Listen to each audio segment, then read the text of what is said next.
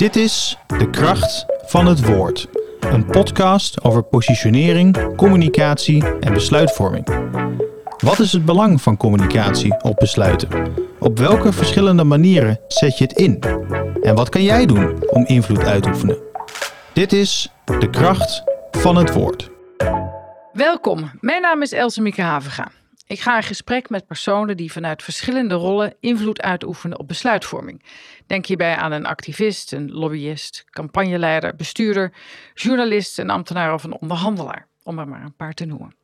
In deze aflevering is Erik Kroes te gast. Hij is hoofd mediarelaties bij de Nederlandse Spoorwegen. Welkom. Leuk, Erik, dat je er bent. Even voor mijn begrip, hè. hoofd mediarelaties. Wat houdt het precies in? Wat doe je? Nou, heel simpel gesteld. We hebben een afdeling met woordvoerders. Dat is de afdeling mediarelaties. Daar ben ik de leidinggevende van, maar ik ben tegelijkertijd ook woordvoerder voor de Nederlandse spoorwegen. En wat we eigenlijk doen is proberen in te schatten wat er buiten speelt en wat voor impact dat heeft voor het uh, bedrijf NS. En ook heel erg wat we binnen NS allemaal van plan zijn aan veranderingen, van klein tot groot. Die impact heeft op de buitenwereld en dat wil de buitenwereld weten. Dus dat zullen we ze ook gaan vertellen op enige wijze en op enig moment. En uh, dat is een beetje de wisselwerking waar, waarin wij functioneren. Soms heel praktisch en uh, soms meer strategisch of uh, ja, meer lange termijn. Klinkt heel interessant en we weten allemaal hoe hartstikke ingewikkeld dit is. Hè? Ja, uh, uh, we zijn veel in de media te vinden. Ja. We hebben ons ooit laten vertellen door een bedrijf dat media monitort voor bedrijven. Dat we na de politie het meest, uh, het bedrijf zijn dat, waarover het meest gepubliceerd wordt. Ik weet niet of dat klopt, maar... Ook aan tafel Esther Friesendorp, adviseur bij communicatie en public affairs bureau WePublic. Fijn dat je er bent ook. vanuit jouw rol kan je een heleboel dingen zeggen. En misschien wel het belangrijkste, hoe doet de NS het in de media volgens jou? Um, ja, nou wat, wat Erik net ook al aangaf, de NS is natuurlijk een hele bekende organisatie. Uh, iedereen in Nederland vindt daar wat van, die heeft daar een mening over. Wij werken ook wel eens voor organisaties die heel erg bezig zijn met uh, zichtbaarheid en het vertellen van hun verhaal en profileren. En ja, dat, dat is bij uh, de NS natuurlijk niet aan de orde. Um, en dat is denk ik ook soms wel een uitdaging, want als het goed gaat, dan voldoe je aan, aan de taak die je hebt. En als het niet goed gaat, dan ben je in de verdediging en dan ben je aan het uitleggen wat er um, niet goed gegaan is en waarom dat zo is. En dat, ja, dat vereist dan weer uh, ander soort communicatie, dat je betrouwbaar bent en consistent bent in, in, eh, in het geven van informatie, dat je dat op een heldere manier doet.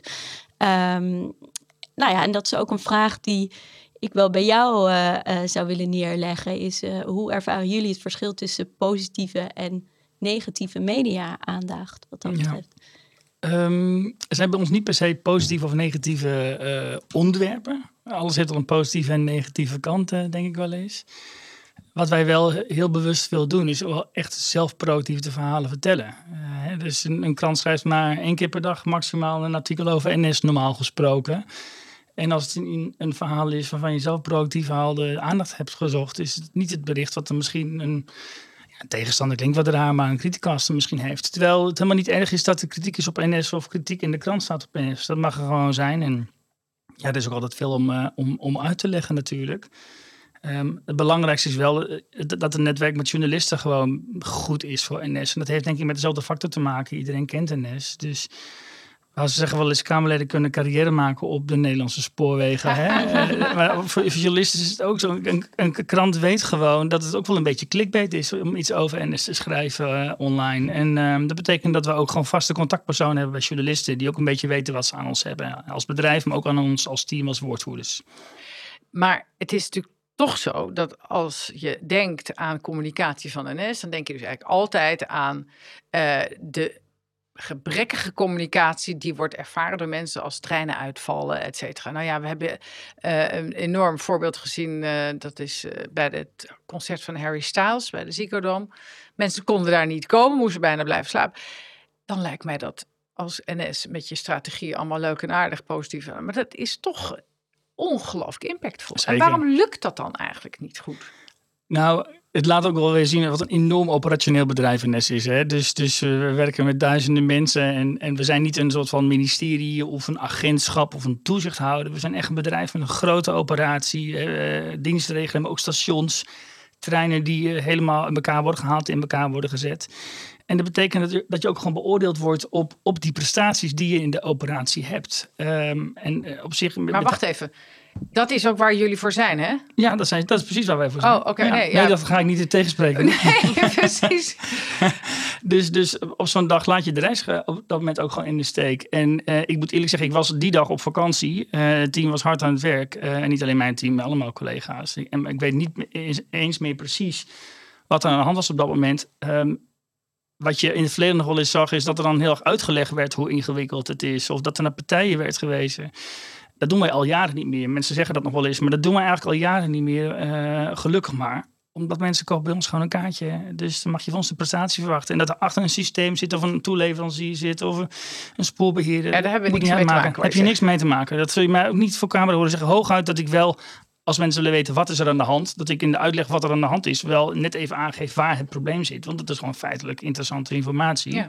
Maar je mag van NS gewoon verwachten dat je een goede reis krijgt. En als dat niet lukt, dan mag je verwachten dat we daarop uh, op acteren. Ja. Maar waarom is het zo lastig soms om informatie te geven over uh, hoe lang het duurt voordat er wat gebeurt. Of dat je in ieder geval mensen die zeker op het hè, uh, perron staan en met elkaar gewoon echt geen idee hebben. En dat er dan geen communicatie komt, dat ja. begrijp ik nooit. Ja. Nee, dat snap ik wel. Nou, wat nog goed om even te onderscheiden is wat, uh, wat um, de reisinformatie in de communicatie bij verstoring is. Niet wat de afdeling communicatie doet. Het is echt een primair proces voor ons om te zorgen dat de reisinformatie op de orde is. Zoals er ook een primair proces is voor dienstregeling en dat soort zaken. Um, uh, maar er kunnen heel veel redenen zijn waarom het lastig is. Uh, het is wel, wel fors verbeterd, maar dat betekent niet dat er af en toe dagen zijn dat het echt fout gaat. Uh, een van de dingen die soms speelt, is dat er gewoon ook even tijd tussen de verstoring en, uh, is. En op het moment dat je weer een plan hebt, er zit altijd even een vacuüm tussen, waarin het bedrijf ook even besluiten moet nemen voordat er weer een trein rijdt. Maar waarom zeg je dat niet?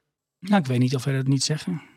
Kijk, maar nou. op het moment, kijk, het lastige is vaak dat op het moment dat, um, dat de verstoring plaatsvindt, en vooral zo'n grote beheer daar is, dan is er helemaal geen ruimte en voedingsbodem om, om de om dat op te lossen. Terwijl na afloop ligt het altijd aan de communicatie. Maar uiteindelijk was het gewoon een verstoring. Op dat moment zullen mensen gewoon weten wanneer gaat mijn, uh, wanneer gaat mijn trein. Ja, maar als je gewoon zegt, luister, we zijn bezig. Er is, er is een storing, dat begrijpen we. Uh, we zijn bezig met het plan om het op te starten. Dat kan nog even duren, weet ik. Maar, maar ik weet niet of, of mensen dat gevoel hebben. Nou, ik kan je wel zeggen wat we, wat we wel zeggen. Uh, soms rijden er gewoon geen treinen. Weten we niet wanneer ze gaan rijden. En dan ben ik heel helder, of ik nou zelf op camera moet of een directeur van ons. Voorlopig rijden de treinen niet. Of en wanneer ze wil weer gaan rijden, is op dit moment niet bekend. Het beste is om nu thuis te blijven of om je reis uit te stellen. Ja, die, die, ja, die hoor je te vaak, zou je bijna misschien zeggen. Maar dat is wel heel helder. Want ik kan voorkomen dat als er echt geen treinen rijden op Amsterdam Centraal, door dat op het journaal te zeggen, dat iemand die op dit moment lekker in de kroeg zit, gewoon naar het station loopt, niks wetend. Want die krijgt een appje van zijn moeder. Volgens mij moet je nog even in Amsterdam blijven. Ja, dat is eigenlijk wat je dan wil op zo'n moment. Dat is wat je op dat moment wil. Ja. ja. En vind jij dat de, de heldere communicatielijn, is dat goed genoeg? Ja, dat is, uh, uh, dat is wat je wil inderdaad als reiziger. En dan zet je ook de reiziger centraal, denk ik, in je communicatie. Uh, dat is waar je behoefte aan, aan hebt op dat moment. En wat ik me ook nog afvroeg, je gaf net aan, zei je, ja, soms is het ook in onze relatie met journalisten lastig. Die zijn soms ook op zoek naar clickbait, zei je volgens mij. Um, merk even, clickbait. Of, uh, ja, clickbait ja. als in uh, lekker gescorend artikel online. Ja, ja. ja, merk je dat dan ook in dit soort situaties? Dat er minder aandacht is voor het genuanceerde verhaal wat, wat daarachter zit? Nee, ik denk dat het wel meevalt. Overigens, die relatie met journalisten, dat clickbait is vaak ook een voordeel mm. hoor, voor ons. Uh, maar uh, mensen willen op dat moment gewoon handelingsperspectief. En de reiziger wil ook, of de journalist ja. wil ook schrijven over het handelingsperspectief. Wat kan je nog verwachten? Uh, en de dag daarna is het gewoon, en krijgen mensen geld terug en dat soort zaken. Mensen zijn dan, wat dat betreft, op dat moment willen ze gewoon hele praktische informatie vaak eigenlijk. Ik kan me voorstellen dat je weet dat dit gewoon gebeurt. Hè? Ik bedoel, er zijn altijd externe omstandigheden. Dat kan je ook niet voorkomen. Of het nou stormt, uh, nou, whatever.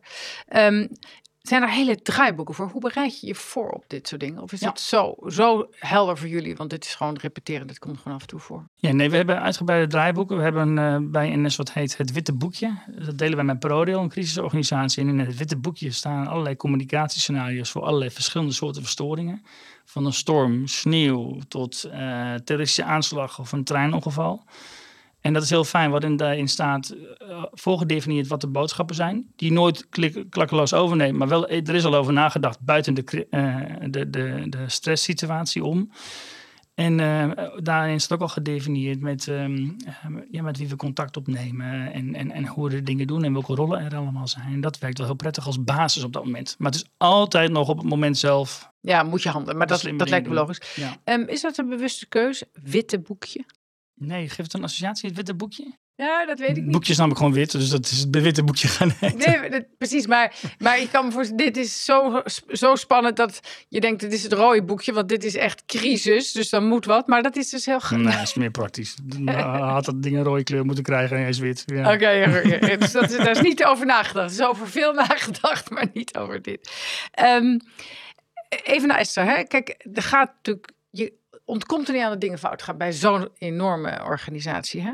Wat voor eh, adviseren jullie eigenlijk organisaties voor de... Er is, je hebt crisis en crisis. Hè? Dit zijn Mhm, natuurlijk... eh, ja. storing is misschien weer wat anders. Maar wat, wat zijn zeg maar de stappen die je altijd moet doen? Nou, eh, is precies ook wat Erik zegt. Dus je kan je heel goed voorbereiden, ook op crisis. Dus zorg in ieder geval dat de dingen die je kan voorbereiden, dat je die op orde hebt. Dus inderdaad dat je goed weet ehm, wie gaat eh, het woord voeren op het moment dat er iets gebeurt. Ehm, wie maakt eindbeslissingen. Ehm, hè, dan kan je altijd uiteindelijk nog overvallen zijn door iets wat er gebeurt wat je niet verwacht had of niet voorbereid hebt. Maar dan heb je in ieder geval de structuur klaar liggen om op een juiste manier te acteren. En ik, ik denk ook dat dat eh, eh, een hele belangrijke les is om mee te geven. Je kan altijd nog keuzes maken in je communicatie, ook op het moment van een crisis. Je kan altijd procesinformatie geven en tijd winnen om gewoon te zorgen dat je je feiten op orde hebt. Maar dat tijd winnen vind ik dus naar de, naar de reizigers toe. Dus vind ik dus wel een dingetje. Want dat is precies waar de kritiek dan op komt. Hè? Nou, je wil ook dat je feitelijke informatie kan geven. En dat de informatie die je naar buiten brengt, dat die goed is. En dat de reiziger daar wat aan heeft. Zeggen dat je iets niet weet is soms heel verfrissend, vind ik. Dat vind ik ook, We ja. weten het op dit moment niet. Nee, nee en dat, dat doen jullie wel. Ja. Eh, je gaf aan dat je zelf wel woordvoerder bent. En nog, maar eh, je ziet toch ook in de afgelopen jaren dat er wel wat veranderd is in wat voor mensen er voor de camera komen. Hè? Is Ja. daar een bewust beleid voor gevoerd? Ja, maar wel op een hele ontspannen manier. Dat vind ik wel leuk. Dus ehm, eigenlijk willen we zo weinig mogelijk de woordvoerder voor camera. Dus de service naar de journalist is fijn. Dat we zeggen, goh, ik wil iemand op camera om de, over de situatie. Dan kun je snel een woordvoerder krijgen. Eh, als er echt verantwoording wordt afgelegd of iets over strategie. Dan zal het een verantwoordelijke zijn in de directie. Of onze eh, voorzitter van de raad van bestuur. Maar wat we het liefst doen is gewoon een conducteur of een machinist of eh, de monteur naar voren schuiven. En dat hebben we afgelopen jaren heel uitgebreid gedaan. En het is een voorbeeld van een, een storm van nu misschien drie jaar geleden. Maar toen waren en SBS en RTL en NOS op het station vanwege storm. We reden helemaal geen treinen. Dat was toen heel lang geleden. Het landelijke treinverkeer padgelegd werd vanwege storm. En toen zei de journalist, ik wil zo nog even voor het journaal een, eh, een quoteje. En ik zeg, maar wil je dat niet van een machinist? En die journalist had het helemaal niet verwacht dat ik dat Nee, zou voorstellen. Nee. Dus want als, ja, mag dat? Ik zeg, nou, als jij de vraag aan een machinist stelt die bij een machinist horen, voor mij betreft prima. Toen moest ik nog wel even een machinist vinden die dit wil en dat lukte ja, wel. ja, lukt. Maar als op het journaal een machinist vertelt, hé, hey, er rijden geen treinen en dat is me goed ook, want ik voelde het niet meer verantwoord. Ja, dan, eh, Een veel beter verhaal. ja, dan kan ik er stropdas voor doen en als woordvoerder gaan vertellen. Maar een machinist is dan natuurlijk het meest geloofwaardig. En helpt dat in de perceptie van, of de reputatie kan je ook zeggen, van de NS, dat je het daardoor menselijker maakt? Helpt dat? Ja, ik denk het wel. Het is heel moeilijk altijd aan te tonen, de reputatie. We doen allerlei onderzoeken en zo, maar gewoon het menselijke gezicht en het gezicht wat je dagelijks in de trein of op het station ziet. Als die het jou vertelt, zoals hij het jou ook op het perron zou vertellen, is denk ik wel het mooiste wat je kunt hebben op het journaal wat dat betreft. Soms moet je ook zorgen dat de verantwoordelijke even hè, voor camera. Ja. Maar gewoon even, hey, wat is er aan de hand? Toch fantastisch als een conducteur dat kan doen. En die gaan we ook niet. We hebben geen poeltje met mensen die daar mediatraining voor krijgen. Het is echt gewoon, eh, heb je er zin in? En, en vertel, Heel vertel het puur. gewoon heel puur. Vertel het gewoon zoals je het je buurvrouw zou vertellen, zeg ik dan. Ja. Ik heb vaak even een gesprekje om te kijken, nou, is iemand die er wel lekker in zit.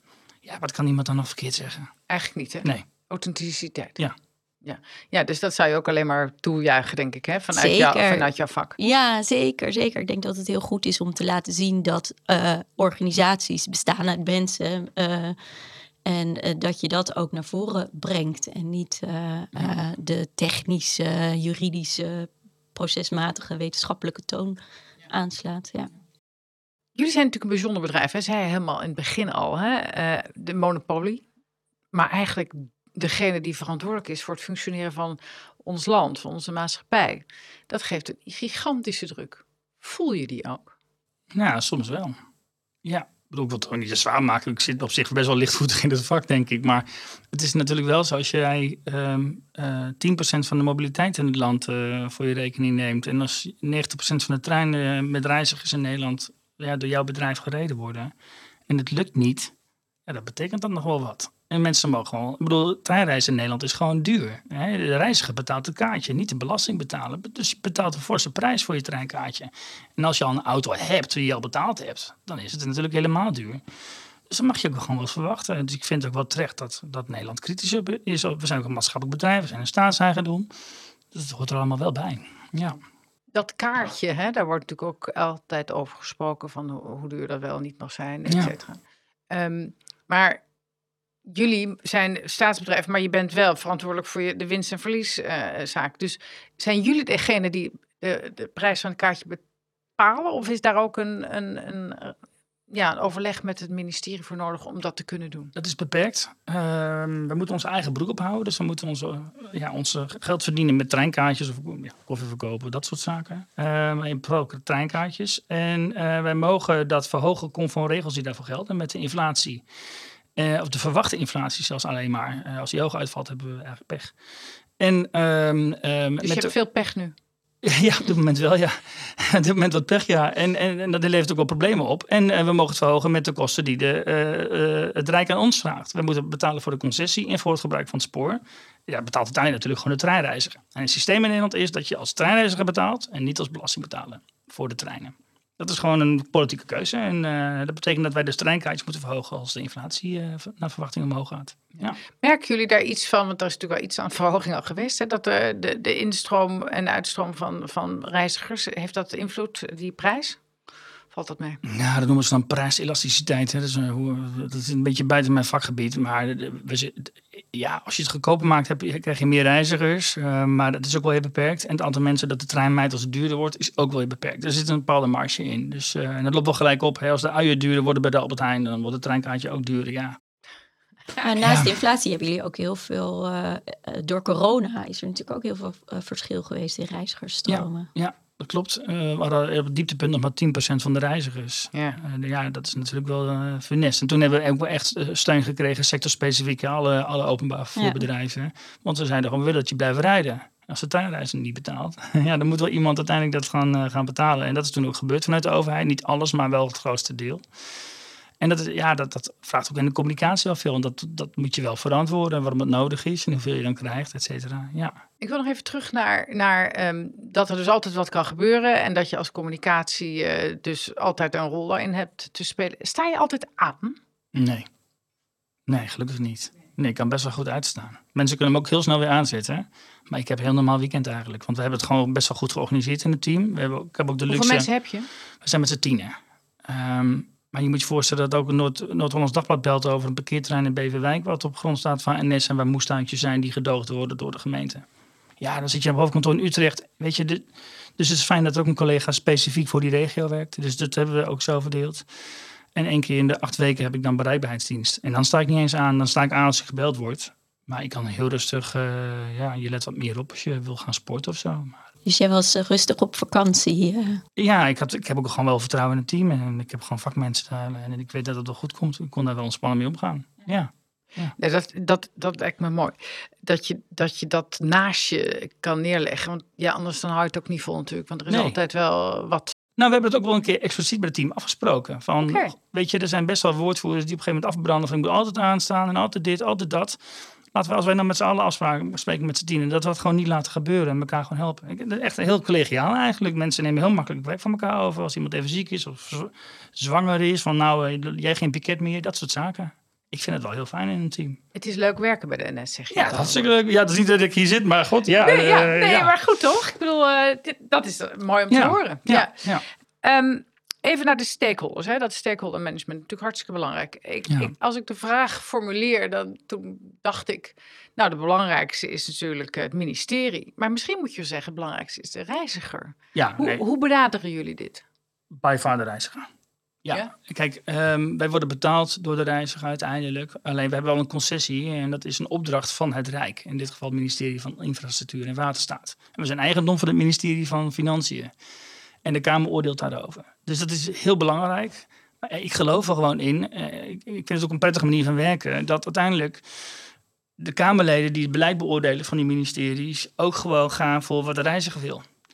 En dus zolang de reiziger tevreden is, zal de Kamer ook tevreden zijn over het beleid wat erachter zit. En dat is misschien een beetje naïef soms, hè? dat is niet altijd zo. eh, maar ehm, uiteindelijk, ja. Je hebt dus geen strategie vanuit jouw rol om met Kamerleden en eh, contacten te onderhouden. Om, ja, Nou, dat, is laten- een, dat, is, dat, zijn, dat zijn collega's Ja, van mij zijn in de ja, Ja, eh, maar die strategie is wel degelijk en daar werken we dan ook veel mee samen. Hè, dus eh, misschien een mooi voorbeeld, wat ook een beetje buiten die crisiscommunicatie zit, omdat het aan zou komen, is de krappe arbeidsmarkt.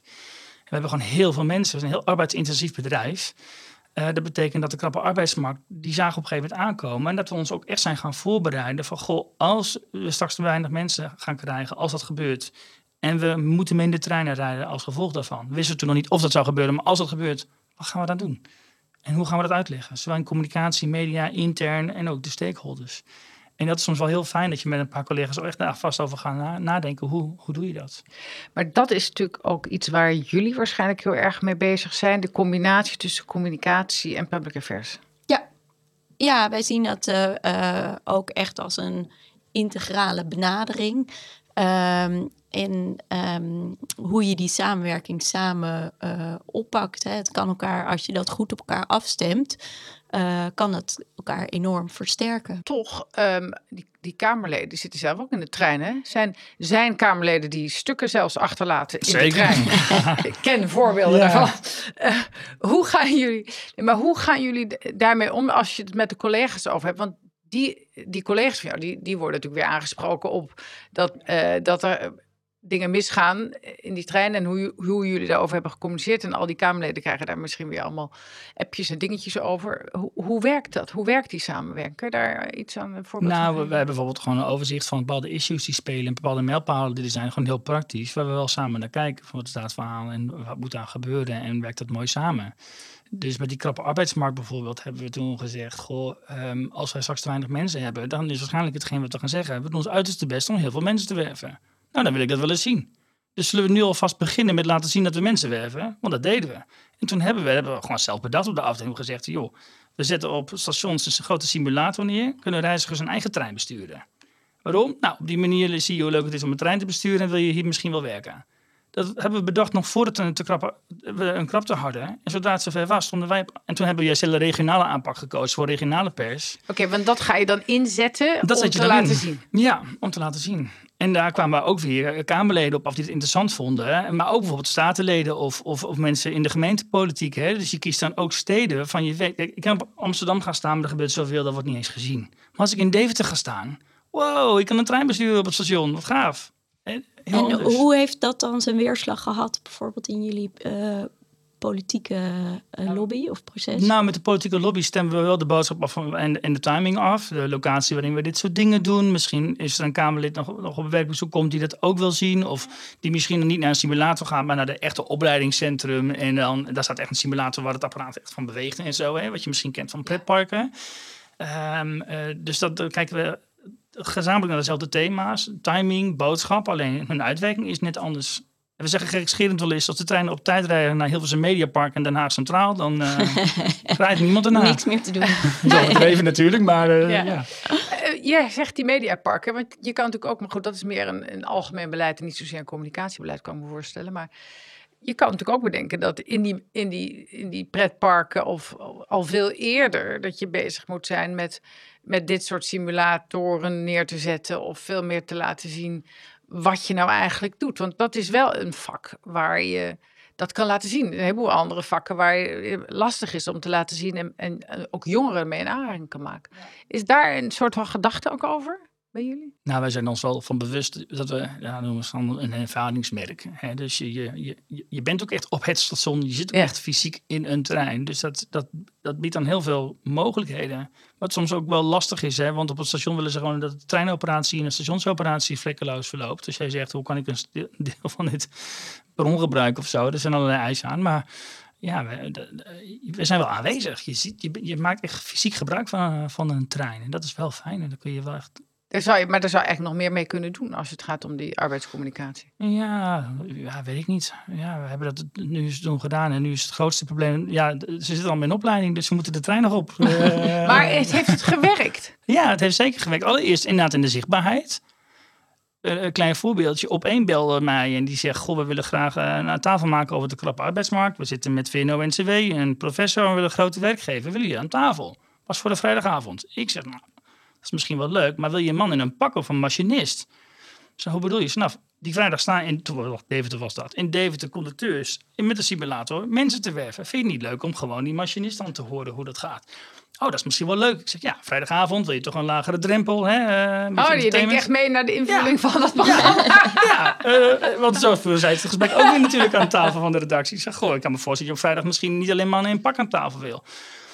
Nou ja hoor, die wilde de machinist Maar of we dan ook gelijk de hele simulator in de studio konden opbouwen. Nou, einde van het uh, verhaal is dat de minister van Infrastructuur en Waterstaat, doet geen spoor over gaan zetten, zijn staatssecretaris. Die was toevallig te gast, is treinfan, heeft gewoon live in de uitzending die trein zitten besturen. Dus terwijl de VNO-NCW aan tafel sprak over krappe arbeidsmarkt, zag je minister Harber zo ding, ding, ding, ding, ding, die spoorwegovergangen dichtgaan. En dan was hij de trein aan het rijden. Ja, dat was hilarisch. Dus ja, ja, dan, dat vind ik, dan heb je helemaal zelf gecreëerd als, als team met de collega's. Dat is wel leuk. Ik hoor je een paar keer zeggen man in pak.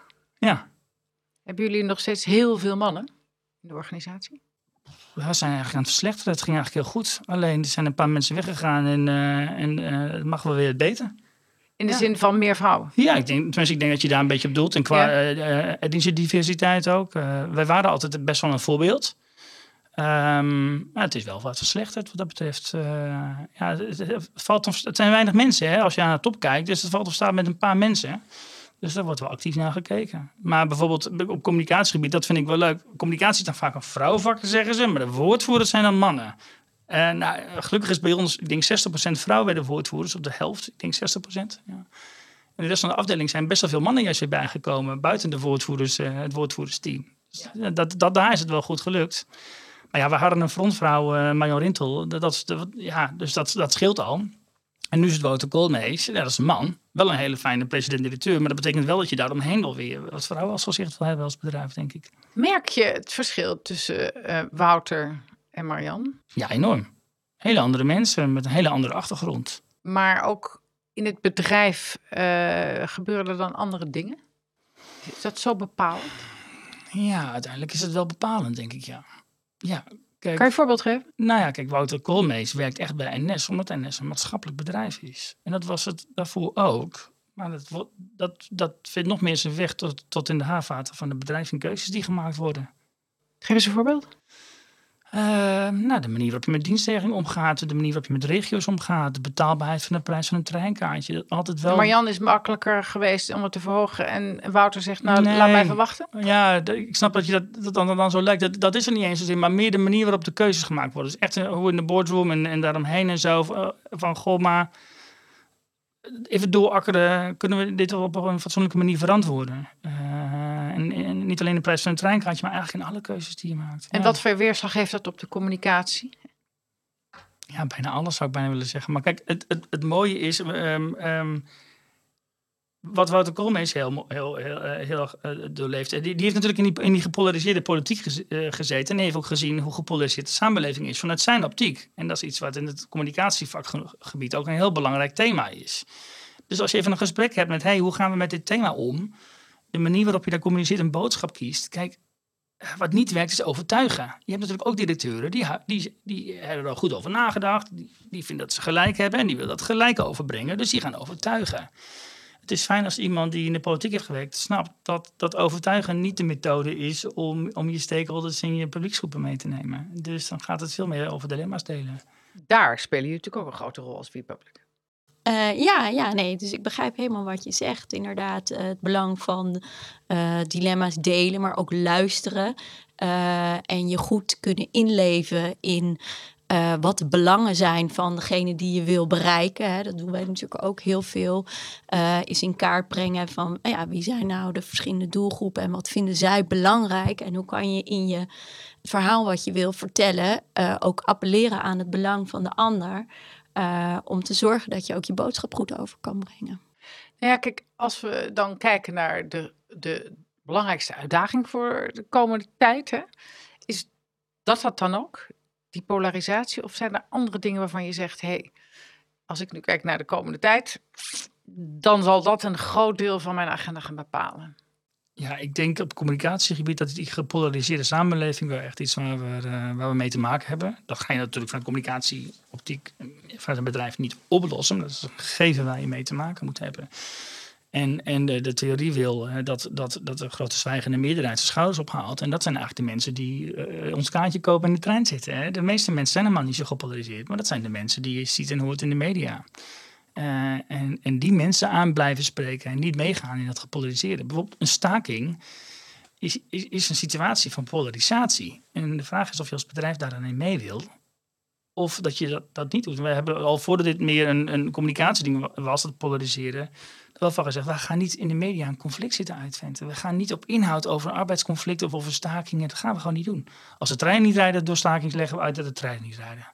Maar de inhoud van, zo'n, van, van, van de CAO, Nee, dat, dat doe je dan niet. En als er iets gebeurt, dan is dat Wouter Koolmees die daar iets over zal zeggen. Of, ja, logischerwijs wel, ja. ja. En dan natuurlijk die social media. Hè? Ik bedoel, we hebben het over media, hebben we heel veel over gehad. En daar zeggen we tegenwoordig van, ja, eh, social media hoort daarbij. Maar toch is het een andere functie, heeft het een andere rol. Hoe gaan jullie daarmee om? Nou, voor ons als team, mediarelaties, is social media eigenlijk minder relevant geworden. Ehm, dat, ja, we zetten nog wel in om een persplicht te verspreiden bijvoorbeeld. Maar echt als kanaal voor, voor mediarelaties of echt als, als expertisegebied wat wij als collega's gebruiken, is het echt minder belangrijk geworden. Dat klinkt toch een beetje gek. Ja, nou, ik denk dat de Twitter zelf, want dat was het belangrijkste kanaal, denk ik, minder relevant is geworden. Um, um, het is nou wel, heeft dan wel echt een signaleringsfunctie, maar dan meer om wie zegt iets dan wat wordt er gemiddeld gevonden van NS op Twitter. Um, Want alleen maar de, excuus helemaal, de zeikers komen op Twitter. Ja, uh, in ieder geval de, de extreme geluiden aan beide zijden, uh, wat dat betreft. En dat is nog wel leuk of interessant om te zien. Maar als je gemiddelde wilt trekken van uh, wat is het sentiment op Twitter, dan is dat gewoon minder relevant geworden. En we kunnen daar ook minder mee. En je raakt ook niet zoveel mensen meer als je in het verleden zou willen, wat dat betreft, omdat het versnipperd is. Ja. En, en hoe kijk jij daar tegenaan vanuit, vanuit de ja, dat, dat, herken ik wel. Twitter is natuurlijk enorm gepolariseerd ook. En um, uh, ik kan me voorstellen dus dat je inderdaad wel kijkt naar af en toe nog naar wat is de inhoud van berichten en kunnen we daar dan wat mee dan echt naar het, het sentiment op dat uh, medium. Maar als je kijkt naar uh, het treinuitval en, en, dan gaan mensen toch gewoon op Twitter kijken of daar een bericht is. Want eerder geconstateerd af en toe komt er niks vanuit de eh, communicatie. Dus is er wat op Twitter, is er wat op Instagram, wat, wat zeggen alle mensen? Dat is dan toch nog wel een functie. Ja, dat klopt. Alleen jij zegt nu Twitter, alleen daar zijn er nog heel veel naast gekomen. Ja, ja, en, en dat maakt het zo ingewikkeld. Maar ik moet ook wel even uitleggen. Ik bedoel het wel echt specifiek meer voor het vakgebied wat, wat ik bedrijf. Hè. Dus we hebben een afdeling webcare. Die, dat is echt een klantenservice die via de, de social media kanalen, waaronder Twitter, maar ook andere, contact heeft met reizigers. Uh, en daar is het nog heel belangrijk voor wat dat betreft dus meer vanuit een wat breder perspectief over mediarelaties en, en strategische communicatie gebruik je het minder. Dat is wat je eigenlijk zegt. Ja, minder relevant geworden. Ja. En tot slot, ehm, de grootste uitdaging voor de komende tijd, dat is die polarisatie. Hè? Want dat heb je al een beetje aangegeven. Ja, ik denk dat ehm, Um, je, ziet gewoon dat, dat, eh, dat, Je hebt de grote zwijgende meerderheid eigenlijk natuurlijk wel een bekend gegeven. En dat zijn de mensen die zitten in jouw terrein, die lopen door de stations. En die wil je eigenlijk bereiken. En als je in je communicatieaanpak heel erg laat beïnvloeden door de grote tegenpolen, dan ga je eigenlijk een beetje meeschreeuwen. Terwijl je dilemma's delen uh, en, en, en, zeggen wat er gebeurt als je iets doet en wat de nadelen zijn als je dat niet zou doen. Dan kun je zwijgende meerderheid die zijn schouders ophaalt. Ja, die denkt misschien, nou ja, ik snap het niet helemaal, maar ik heb er wel vertrouwen in dat ze de goede dingen doen of zo. Zoiets. In plaats van die mensen die ergens heel extreem voor of tegen zijn. Dan moet je wel ook rekenschap Daar moet je wel mee dealen. Je moet er wel mee dealen. Je hebt ook rekenschap mee te nemen. Maar je moet vooral die, die grote middengroep, die zwijgende meerderheid, die veel groter is vaak, moet je vooral niet uit het oog verliezen. Lijkt me een uitdaging. Ja, maar ook een hele leuke. Oké. Okay. Dankjewel. Dankjewel voor dit uh, inzicht in hoe jullie het doen bij de NS. Uh, zeer waardevol. Ja, Esther, jij ook dankjewel. En Erik, ik zou zeggen heel veel succes voor de toekomst. Dankjewel. Leuk om hier te zijn.